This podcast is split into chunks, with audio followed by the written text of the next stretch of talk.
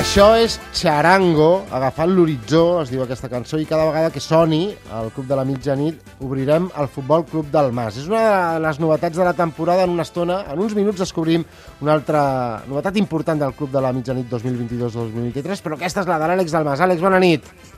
Bona nit a tots, què tal? Una mica millor la veu, però, però encara has de fer feina, eh, aquí? Sí, sí, sí, ja ho veieu, eh? una miqueta millor, però encara, encara hi ha coses aquí. Com veus la situació de Jordi Alba després del que acaba d'explicar el Ricard Torquemada, del que va explicar ahir a la TDT i del que acaba de completar?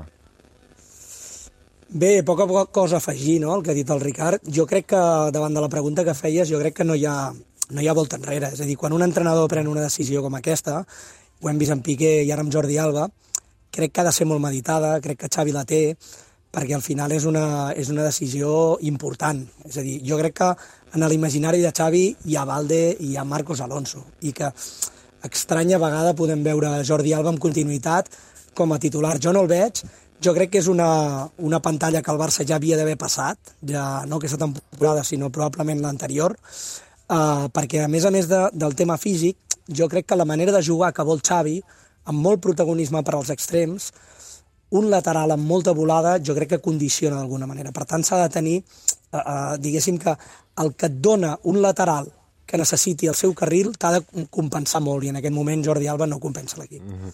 Parlant de laterals drets, que avui amb l'Àlex del Mas volem parlar de laterals drets.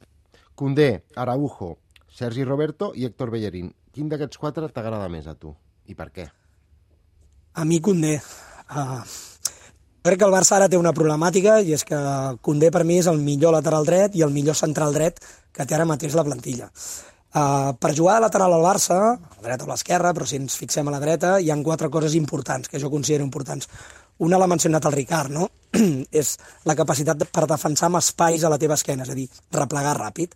La segona és, òbviament, ser molt bo en l'1 contra 1 defensiu, difícil de superar, i després altres dues en pilota. La primera, identificar l'home lliure, tenir claretat en la sortida de pilota, i la última és quan arribes a l'últim terç de camp, on tot és molt més difícil, tenir també clarividència, saber quan centrar, quan filtrar passades.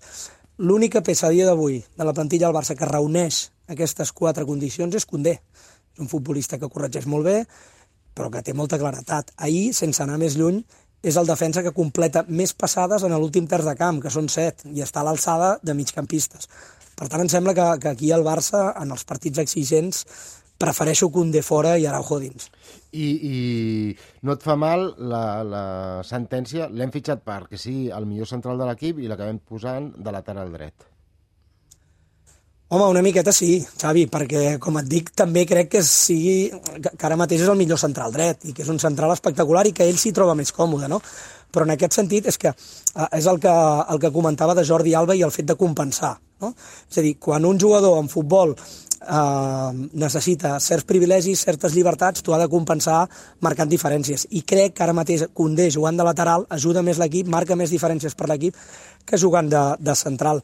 Uh, totes les altres opcions, Araujo, Sergi Roberto, Bellerín, no reuneixen aquestes quatre condicions. En reuniran dos, com a molt tres, però alguna els hi faltarà. I per tant, els partits on hi hagi molta exigència defensiva, però també vulguis dominar el partit, crec que Condé és una peça que, fonamental i que, i que et millorarà qualsevol dels altres tres. Te l'imagines a Condé gaudint fent de lateral dret?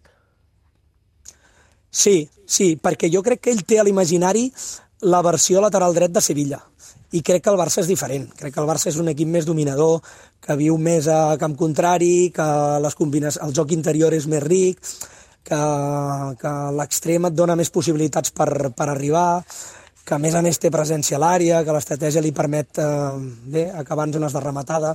Crec que pot arribar a disfrutar allà. I, de fet, crec que ahir va disfrutar. Eh? Va fer una molt bona passada a Lewandowski. Hi ha molts grans jugadors que no juguen a la seva posició. Tampoc no seria un cas únic. No, però has pagat 50 milions és variables, i ve com a central i, i, o sigui, i de moment està fent una carència lateral. lateral i te la coneix sí, perfectament. Sí, sí. I, ei, ho fa molt bé, eh? Ahir eh, va fer dues passades de gol a Lewandowski. Uh -huh. Passada de 30 metres boníssima i després en aquella jugada d'estratègia del córner de cap per Perit Garcia i no fa un gol perquè fa un mal gest tècnic en la rematada, de- molt deficient, per cert, però vaja, que ja en farà de gols també Coude, però bueno. Àlex, no marxis, que vull que comentis amb nosaltres al Girona i al Madrid i que estiguis present en la presentació que ve ara mateix d'una de les novetats de la temporada 2022-2023 del Club de la Mitjanit.